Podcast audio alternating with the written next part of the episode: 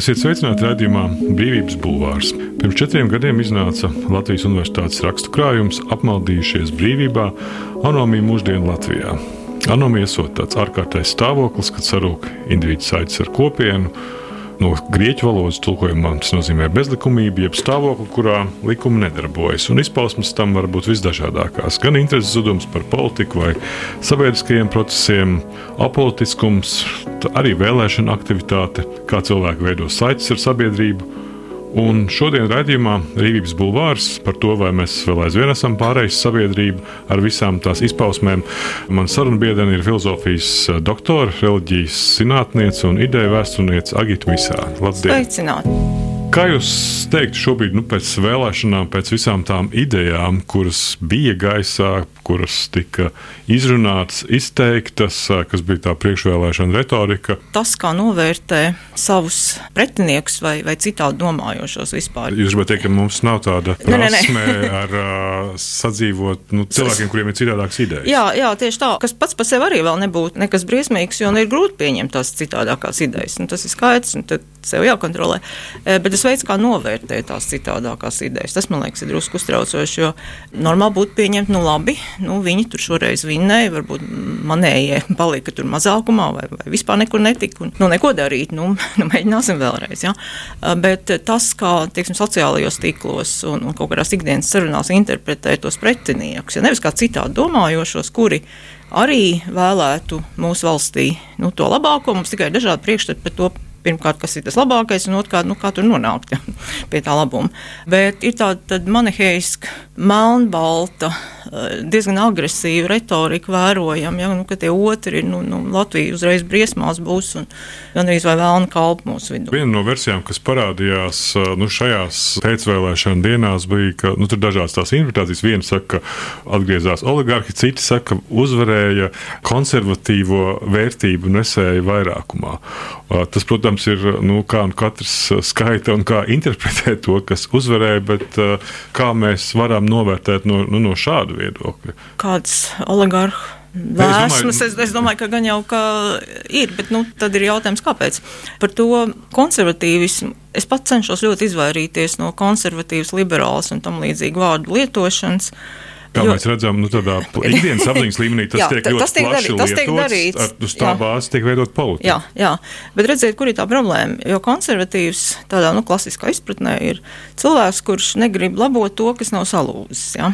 Un, un, ja mēs skatāmies tādā, nu, varbūt 19. gadsimta kontekstā, 20. gadsimta kontekstā. Nu, kas ir konservatīvs? Kas sev apzinās, ka konservatīvs? Ir cilvēks, kuram dzīvē nu, viss ir apmēram kārtībā.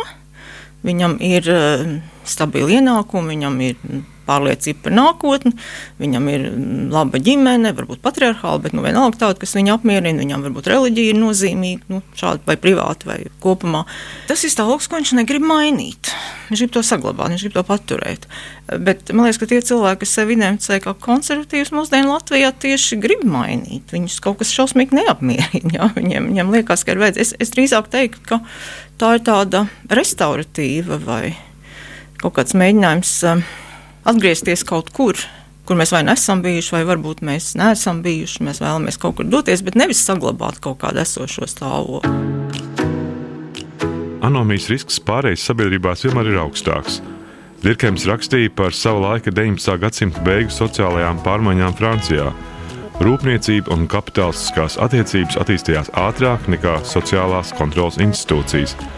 Anomijas pazīmes, kā novēroja Dirkēns, savulaik bija alkatība, neierobežotas ambīcijas, patērniecība un hedonisms. Taču nav grūti ievērot, ka minētās parādības var novērot arī nesenākā vēsturē, citās pārmaiņu sabiedrībās. Daļa sociālo institūciju tajās ir beigušas pastāvēt, to vietā varbūt radušās jaunas, kas vēl nav paspējuši iegūt pietiekami spēcīgu autoritāti jauni sociālās kontrolas instrumenti nav izstrādāti, arī daļa sociālo normu vairs nedarbojas. Tā Agita Misāna krājumā apmaldījušies brīvībā, anomija mūsdienu Latvijā. Kā jums liekas, mēs vēl aizvien esam vai atkal esam pārmaiņu sabiedrība? Vai mēs esam pārmaiņu sabiedrība vispār? Nu, mēs, kā jūs sakat, mēs atrodamies lielu pārmaiņu priekšā. Nāk krīze, nu, saka. Jā, viena. jā mēs, mēs noteikti atrodamies lielu pārmaiņu priekšā, kad mēs neesam viņu priekšā atradušies. Pieņemsim, ka viss kaut kā beidzas salīdzinoši drīz. Jā. Pandēmija beidzas, karš beidzas, recesija sāksies, un arī nu, visas recesijas kaut kad beidzas uh, ekonomiski. Un mēs visi tā nu, liecamies domāt, nu, ka, ka pasaule nekad nebūs jā, kāda viņa ir bijusi, bet ar ko tas ir saistīts, ļo, ar ļoti daudz ko mēs varam iedomāties kaut kādas digitalizācijas ietekmes. Ir skaidrs, ka darba tirgus nebūs gluži vairs nekad tāds, kā ir bijis. Un, tā tās pārmaiņas jau visu laiku notiek. Jautājums ir, ko mēs ar tām pārmaiņām darām? Vai mēs iestrēgstam tādā stāvoklī, kad šķiet, ka nu, viss, viss labais jau ir, ir kaut kad bijis. Nu, varbūt tas ir tas jūsu ja, konservatīvisms pieminētais, vai tas tomēr ir jālauž kaut kā un jāvienojas par to, kas mēs gribam būt. Man liekas, viena no lielajām tām Latvijas sabiedrības problēmām ir tā, ka mums kā nācijai vai, vai valstī nav tāda definēta mērķa, par ko visa sabiedrība varētu būt kaut cik vienoties, kas mēs esam pasaulē. Mēs varam iedomāties visādus piemērus. Neviens no viņiem nav bez problēmām. Jā, tas mīts, kas bieži tiek sabiedrībās par sevi radīts, nu, nevienmēr ļoti labi darbojās. Tur ir visādas blaknes, bet, nu, piemēram, ja jūs esat sabiedrība, kurā teorētiski vienam uzņēmīgam, strādīgam cilvēkam ir iespēja kļūt labklājīgam, tad jūs droši vien esat ASV. ja jūs esat sabiedrība, kas postulē, ka nu, nekur nepievienojoties, var atrast kaut kādu dzīves modeli tādu. Tad, šveici, tad jūs esat Šveice. Ja. jūs esat sabiedrība, kur visdažādākajām kultūrām ir vienlīdzīgas iespējas attīstīties un sadzīvot, nu, tad jūs varbūt esat Kanādā. Man šķiet, ka tā mūsu problēma ir, ka mēs tā īsti neesam to definējuši. Kas cilvēcei no tā, ka mēs esam? Mums ir kaut kādi diskursi bijuši droši vien šo, šo 30 gadu laikā. Nu, viens, piemēram, Bet, kas... nu, domāju, ka Igauniem ir savādāk, jo viņiem oh, tur bija viena laika, ka viņiem ir tur tīģera lēciens, uh, Igau... digitalizācija jā. un tam līdzīgas lietas. Bet tas vairāk bija tāds uz āru vērsts paziņojums par to, kas ir Igauni. Mm, tas daudzajādā ziņā ir uz āru vērsts paziņojums. Protams, mums ir pašiem sev tas jāsaprot, bet mums arī jāmēģina citiem pateikt. Jā.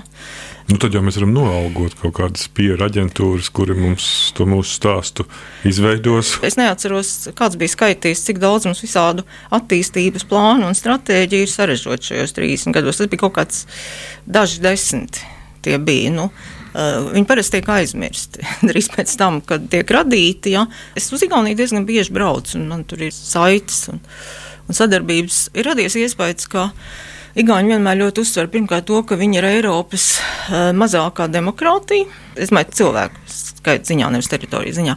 Jo vispārējās uh, Eiropas valsts, kas ir, ir mazākas, ir hercogistas kaut kādas, un viņi nav parlamentāra demokrātija. Un otra lieta, viņi sliecās uz to modeli, ka nu, viņi būs tāda ziemeļu demokrātija, kas ir ļoti racionāla, kur neražo lieku birokrātijas tiešām tas, tas reizēm kaitina, cik maz tur ir birokrātijas, kas būs jā, digitāla, ļoti attīstīta sekulāra, ar visādām brīvībām cilvēkiem un tā tālāk. Tā kā, nu, kaut kas tajā virzienā notiek. Nu, vai, vai kāds individuāls igauns tam ir noticējis, to es, protams, nevaru teikt. Jā. Bet atgriežoties pie mūsu plāniem un, un tā vēstījuma, tas nav stāsts par kaut kādu stratēģiju, ko uzrakstīs PR kompānija, ko mēs aizmirsīsim. Jā. Bet man šeit nav tāda šī apziņas par mūsu vietu Eiropā, pasaulē un tā tālāk, kas būtu pieņemama nu, lielam cilvēku skaitam Latvijā. Atceroties atmodas vēl laiks, un drusku vēlāk bija kaut kāda brīdi tāds tiražēts, ka mēs būsim tā, tas tilts starp austrumiem un rietumiem, kas man liekas pilnīgi ir izgāzies, redzam mēs, kādi ir tie austrumi. Jā. Kas mēs vēl varētu būt? Nu, tagad ir pēdējo varbūt desmit gadu mērķis būt nu, neizmirt. Nu, līdz ar to viss politikas, nu, ir tur demogrāfija un veicināsim.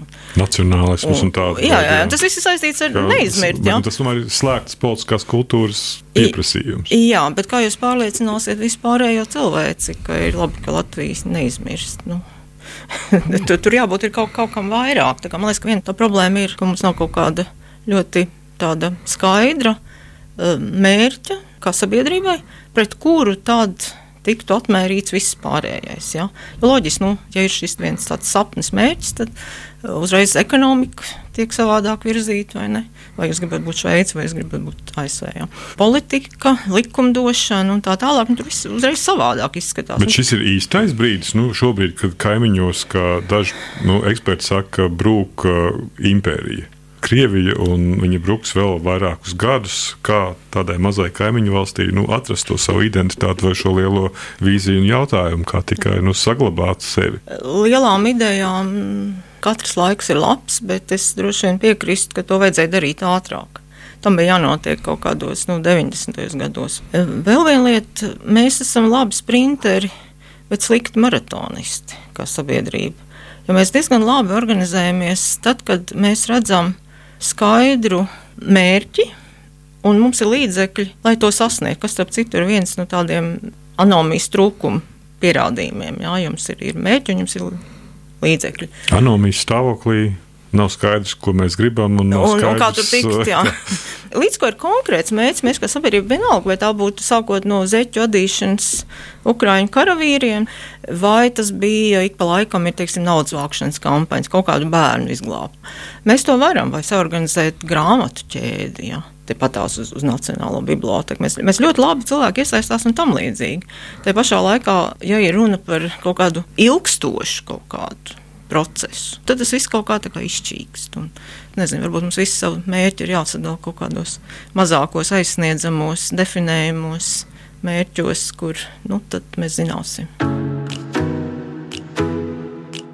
Agita Misāna ir filozofijas doktore, reliģijas zinātniece un ideja vēsturniece, pēta Latvijas reliģiskās kopienas un kultūras, arī latviešu nacionālismu. Pat labāk strādā Latvijas Universitātes literatūras un folkloras un mākslas institūtā, kā arī Rīgas Stradiņa universitātē. Viena no autoriem pirms četriem gadiem iznākušajā krājumā apmaldījušies brīvībā Anomija mūsdienu Latvijā. Nu, bet jūs kā ideja vēsturnieks, jūs pati arī vairāk kārtas skatījos teikusi, ka, nu, ka viss kaut kādā ziņā, arī šis anomijas stāvoklis, jūs minējāt, pasaulē jau vēsturiski ir bijis. Tas nozīmē, ka varbūt ir kaut kādas idejas vai ir kaut kādas uh, procesi, pie kuriem mums ir vērts atgriezties, kā tādiem, no kuriem mēs varam kaut ko nezinu, mācīties, aizgūt, pārveidot. Ir bijuši, man liekas, daudz, daudz traģiskāku notikumu. Nu, Dienvidslāvija bijusī, jā, pēc viss, kas tur notika. Dienvidāfrika pēc aparteīda uh, milzīgs process, ja ir noticis, viņi nav tikuši tam cauri. Ja. Viņi, saprot, tur mēģina kaut ko darīt. Tur ir daži varianti. Es, es pieņemu, es neesmu pārliecināta, ka man patīk viņi visi, vai pat tik viens no viņiem. Um, ir Kažojuši Guro, lielam rakstniekam, Nobelpremijas laureātam. Viņam ir grāmata The Berry Giant. Es nezinu, viņa Latvijas tulkot uh, abedītais milzis vai apraktais milzis, nu kaut kā tā viņa varētu tulkot. Un tā ir būtībā grāmata par savveidīga sabiedrības integrācija. Tad, tad tas ir eh, jautājums, vai tā ir fantāzijas literatūra vai, vai kaut kas cits, un tas lai paliek literatūras zinātniekiem. Bet tas stāsta par to, ka ir sabiedrība ķelti un, un anglosakši, un, un kas tur vēl, ja kas dzīvo Lielbritānijā. Viņas visas ietver tādu miglu, kas liek viņiem aizmirst. Visas viņi, viņi spēj sadzīvot tikai tad, ja viņi aizmirst visu, kas viņiem vienam pret otru ir. Un tas milzis ir, ir tur viņš puš to miglu, jā, to miglu, un līdz ko tas nenotiek, ja, tad viņi atklāja ļoti daudz ko, kas viņiem vienam pret otru ir. Nu, tā ir tāda viena stratēģija. Otrs veids, kas ir ļoti, ļoti populārs, ir, ka vajag tas attiecības sakārtot tā, ka visi visiem atvainojas par visu, kas nu, tur otram ir nodarīts. Ja? Tā viena sabiedrības daļa kaut kādā veidā atvainojas. Tas ir tas veids, kā tikt pāri. Un tad sākam tā kā viss no jauna, tad aprokam kara cirvis. Nu, es nezinu, ja? nu, nu, katrai no visām šīm stratēģijām ir, ir, ir kaut kādas problēmas. Varbūt, ka stratēģija ir vienoties. Vēl viena stratēģija ir, protams, izolācija. Nav, es saku, neviena no šīm stratēģijām man nepatīk, godīgi teikšu. Un, um, mēs, ja mēs paskatāmies, piemēram, uz starpnieciskām attiecībām, kas bija starpkaru Latvijas Republikā. Tad ļoti daudz cilvēku, kas par to raksta, Valentīna Freimana, arī Pēters Krupņikovs, un tur vēl daži cilvēki, ja ir tāda grāmata, katram bija sava Rīga, un kaut kādā ziņā ir, katram bija sava Latvija. Tur daudz kas tika risināts šīm kopienām, vienkārši dzīvojot katrai savā izolētā vidē. Tas drusku mainās pēc 1934. gada, ja tur ir cits skolu politika un, un vēl kas, bet nu, šīs visas kopienas dzīvo katra savā vidē, īpaši nesaskaroties. Ja nu kā ar kaimiņiem, tas tāds multikulturālisms savveidīgs. Es arī te neesmu pārliecināta, ka tas ir iespējams. Jā. Un es neesmu pārliecināta, ka tas ir labi. Jo tad pie jebkuriem ārējiem draudiem šīs kopienas var, var tikt pa vienai likvidētas vai, vai apdraudētas. Droši vien, ka būtu jāsāk ar kaut kādu godīgu sarunu, bet godīgu. Nevis ar tādu nu, nevēlēšanos saprast. Jautājums, vai saruna ir, kad es izrunājos, un jūs paklausieties, ja? vai tomēr es gribu dzirdēt, ko jūs sakat. Radījums Brīvības Bulvārs. Sarunas par to, kas notiek un ko mēs par to varam domāt.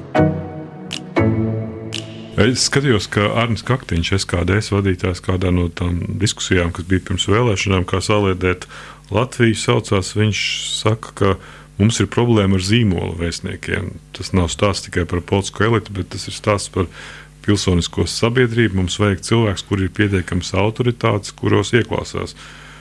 Vai tā ir kaut kāda personība problēma, vai tas bija vairāk virzīts? Es nezinu. Es ceru, ka viņš nedomāja kādu pīlēnu kungu vai kādu tam līdzīgu citu kungu. Es ceru, ka viņš nedomāja, ka būs kaut kādi labie krievi. Jā. Jā, mums jau ir tādi, jā, ne, kas ir ļoti integrēti, jā, un mēs viņus visus kā par viņiem priecājamies un piesaucam. Jā. Bet laikam parādās, nu, ka lai jauno uh, sabiedrības līgumu radītu, ka ir nepieciešams personības, ar kurām to identificēt. Un mēs redzam, ka politiskie personāži tie īsti nav. Jautājums, kas ir alternatīva politiskajiem personāžiem? Jā? Vai, vai, piemēram, Ja mums ir bijuši vēsturiski dzinieki. Jā, jā nu, bet, bet kurām ir milzīga nozīme dziniekam? Ir visādi brīnišķīgi vietējie dzinieki un literāti, kuriem varbūt latviešu valoda nav dzimtā, kas tur brīnišķīgi integrējušies. Tā tālāk jautājums, cik vispār dzinieks kādam ir, ir, ir ļoti autoritāte mūsdienās. Man jāmeklē kaut kāda recepte, tāda, ap ko vispār pilsonīs nācija var saliedēties. Jā. Nu, es teiktu, kā ap satversmi. Liekas, ka mums ir laba satversme Es ar ļoti lielām aizdomām izturos pret visiem, kas grib kaut kā tur grābstīties garas atvērsni, tur kaut ko radikāli nomainīt. Nu, bija vajadzīga cilvēktiesība sadaļa satversmē, kas arī tika pieņemta vienā brīdī, jo bez tās nu, mūsdienīgi valsts nevarētu iztikt. Bet uh, citādi man šķiet, ka nevajadzētu tā pārāk viņā iztikt. Mazāk, jo labāk. Un tad ir ap tām satversmes kaut kādām vērtībām. Tas būtu tas kriterijs, par ko varētu vienoties. Viena vien liela sabiedrības daļa, vai ja nē, nu, tad tas ir jautājums viņiem, nu, kāpēc nē. Un, un, un varbūt viņi ir kaut kādā nepareizā valstī, vai, vai kas tas ir. Mums, piemēram, rādio varētu sarīkot tādu satversmes lasīšanu, piemēram, novembrī. Ja? Cik daudz cilvēku ir lasījuši Latvijas Republikas satversmi, nu, ja viņi nav tur skolā vai, vai augstskolā, viņiem to neliek. Ja? Aktīvāk reliģisko organizāciju un reliģiskas argumentācijas klātbūtne politiskās diskusijās, reliģisko līderu viesošanās pie likumdevējiem, plaša viedokļu paušana un to ievērošana kļūst arvien izplatītāka. Arī pāvesta Franciska vizītes visdažādākajās pasaules valstīs ir nevien reliģisks, bet arī politisks pasākums. Ne tikai tāpēc, ka pāvests ir arī valsts galva. Politiskos procesos iesaistās arī zemāka ranga garīdznieki, un Latvija nav izņēmums. Atšķiras tas, ko reliģiskie līderi dara. Ja vairumā tā dēvēto veco demokrātiju reliģiskie līderi vairāk pievērš ekonomiskai un sociālajai nevienlīdzībai, migrācijai, klimata pārmaiņām un ekoloģijai, postkomunistiskajā telpā uzmanības lokā ir ģimenes politika, reproduktīvā veselība un viss, kas attiecas uz sociālo normu reproducēšanu. Tā portālā Satorī raksta Agita Misāna. Jūs arī esat rakstījis, ka, ka pēdējos gados uh, ir vērojama samērā aktīva reliģisko organizāciju un reliģiskās argumentācijas klātbūtne nu, politiskās diskusijās. Jā, jā droši vien. Ko tas būtu skaidrojams? Droši vien, ka tā ir tāda ankura meklēšana. Pirmkārt, var teikt, ka tā cildena radniecība, tie tādi augsti radīja kristieši ja, un vispār uh, reliģiskās vērtībās kaut kādas tur bāzētas lietas. Ja.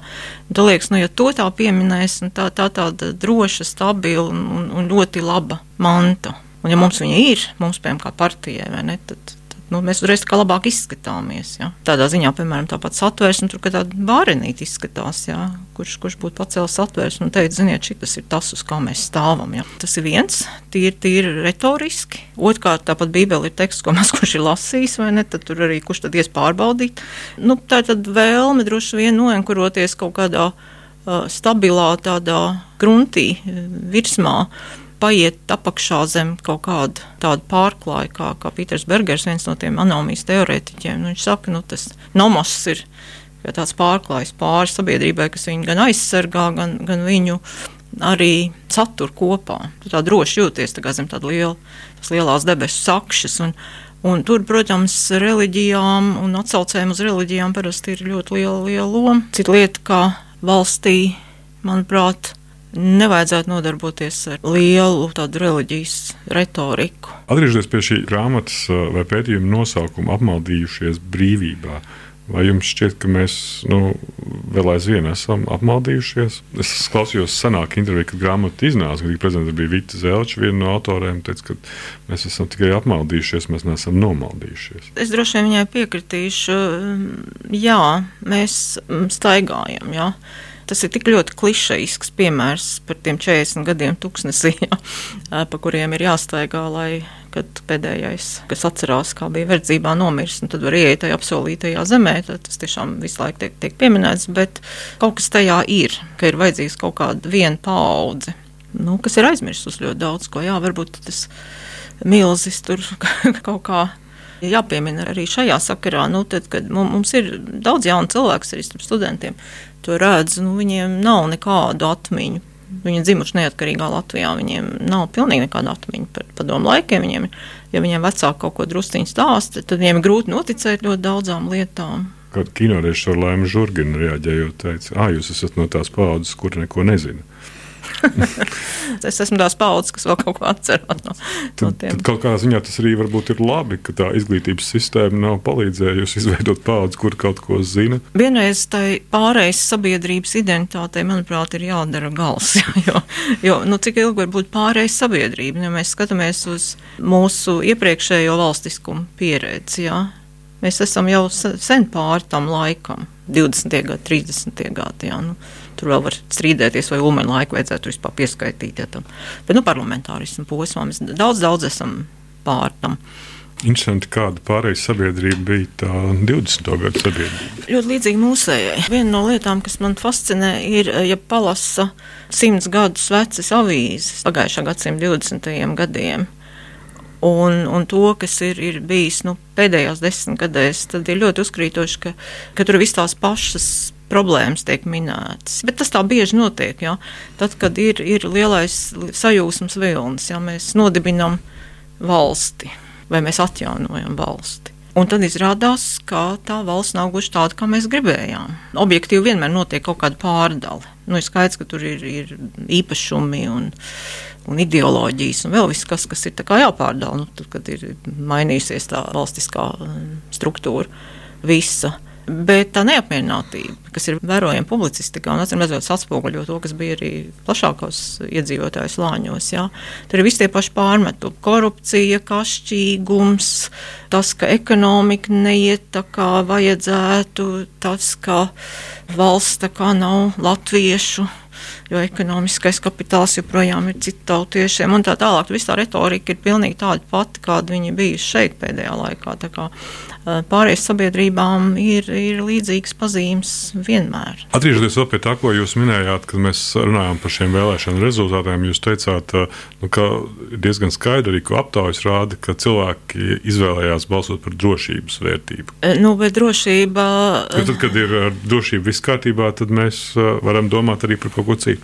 Tā, tas ir viens es no tiem, vulgāri. jā, nu, viens, viens tāds, viena tāda saruna jau ir. Nu, sakārtosim ekonomiku, un pēc tam varam tur spriest par Stambuls konvenciju, jā. piemēram, jau, vai ne?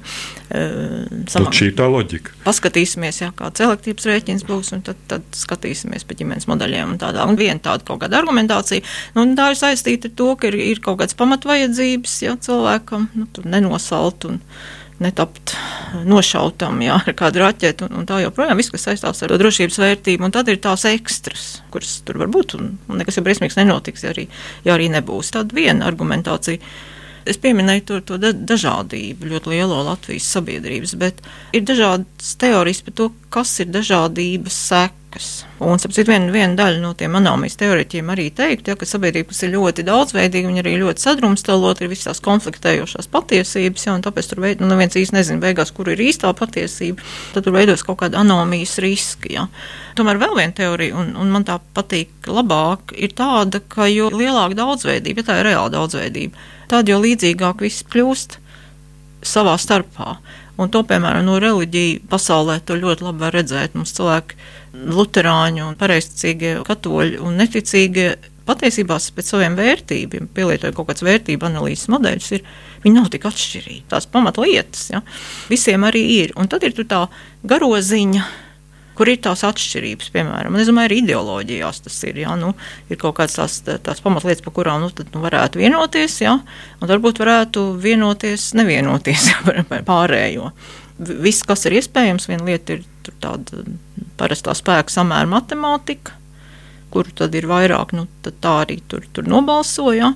Jautājums, cik atkal grib otru uzklausīt, tas ir jautājums tiem tiem politiķiem, nu, ievēlētajiem. Nu, arī nu, koalīcijas veidošanas procesā mēs redzam to, ka diskusijas nenotiek ap, ap jautājumu, vai mēs visi varam vienoties, ka drošība ir tas mūsu jautājums, jā, jā. kuru dēļ mm -hmm. nācija ir jā. bijusi saliedēta un aizgājusi tik lielā mērā balsot vēlēšanās, bet ka, ka jautājumi izrādās ir pavisam kaut kādi citi un, un netik ļoti un viegli identificējami, kuru dēļ cilvēki mēģina vai viņiem nesanāk pat vienoties, kā mēs šobrīd redzam. Nu, tā ir tā karota darbs, ka ir salīdzinoši nelielie apjomu ziņā, es domāju, jautājumi, kas sagandē visu to lielo kalnu, ap ko patiesībā vienoties varētu. Ja, tad būtu varētu izstrādāt kaut kādu modeli, kā mēs rīkojamies ar tiem jautājumiem, kur mēs savā starpā cieņpilni, ceru, nepiekrītam viens otram. Ja. Bet vēl viena lieta, man liekas, ka ir tāda, mēs esam arī tāda nācija, kas visu laiku grib atlikt. Nu, tā ir tā problēma ir kaut kāds nepatīkamākais jautājums. Ja? Nezinām, kā darīt. Nu, nu tad nedaram. tad atliekam tālāk. Jā, nu, mums bija piemēram eitanāzijas un asistētās pašnāvības tēma, kas parādījās nu, šo pavasaru. Uzkrītoši bija, ka nu, tad neskatām. Nevis izrunājam ar ekspertiem, ar nopietniem ekspertiem, ar, ar aptaujām. Un tad pieņemam lēmumu, nu, kurš var būt šāds vai tāds. Ja? Bet ne, nu, vienkārši nu, tagad neskatām Notre-Dame veidu, ja, kā varētu vienkārši noraidīt, ja tālāk neskatīt. Un, un tas jau ir līdzīgi ar to pašu Stambulas konvenciju. Nu, tur kuro gadu jau ja, notiek tas viss. Nespēja pieņemt lēmumus, vai tā ir saistīta ar mūsu nespēju vienoties. Man liekas, ka tikai eh, vienbalsīgi tā, tā visam jābūt. Tas izpausme viena no tādā. Oh, jā, droši vien. Tā ir arī, um, man liekas, vēl saistīta ar neusticēšanos, kas gan noteikti ir anomijas kaut kāda pazīme, ja, ka cilvēki neusticas institūcijām. Nu, mēs nevaram kā uzticēties tai pašai saimai vai valdībai, kāda nu, nu viņa būs, ja, nu, ka viņi pieņems kaut kādu tādu prātīgāko lēmumu līdz ko ir ievēlēti, tā mēs vairs par viņu, kā viņi tur nokļuva, es par viņiem nebalsoju. Apmēram tā, jā. tāpēc man nav nekādas tur, tur atbildības par viņiem. Jā. Nu, mums ir salīdzinoši augsts, man liekas, neusticēšanās visām iespējamām institūcijām, nu, tiesa un, un policija. Un, un... Nu, Radio televīzija ir diezgan augsts. Jā, jā, tas tāpēc, ka jūs ienākat katrā mājā. Tāds, tāds kas dzīvo ar jums, jā, tam jums ir jāuzticās. Jā. Radio dzīvo ar jums. Neusticēšanās arī kaut kādiem ekspertiem un pat neusticēšanās sabiedrības viedokļu kaut kādām aptaujām. Nu, kas tāds par mērījumu sabiedriskās domas, ja kur viņi dabūja tos cilvēkus, vai ne, kur viņi kaut kur salasīja, kaut ko sameklēja, un vispār tas viss man no, un viss man neviens nepiezvanīja, un, un tas viss ir, ir vispār nopirkts paša, pašā sliktākajā gadījumā. Jā, varbūt eh, neusticoties tam, ka tur ir stingras metodas, tur, tur nevar kā gribi. Jā. Paldies! Sarunu biedrene bija filozofijas doktora, reliģijas vēstures pētniece Agita Misāna studijā. Mans vārds Gins Grūbe, raidījumu ierakstīja Toms Šits un montēja Nora Mītspapa. Mm. Paldies! Paldies, Paldies jums! Brīvība ir brīvība. Nevienlīdzība vai taisnīgums, vai kultūra vai cilvēks laime. Tā teica Iesai Berlīns. Sarunas ar brīvas apziņas un ideju cilvēkiem raidījumā Brīvības bulvārs.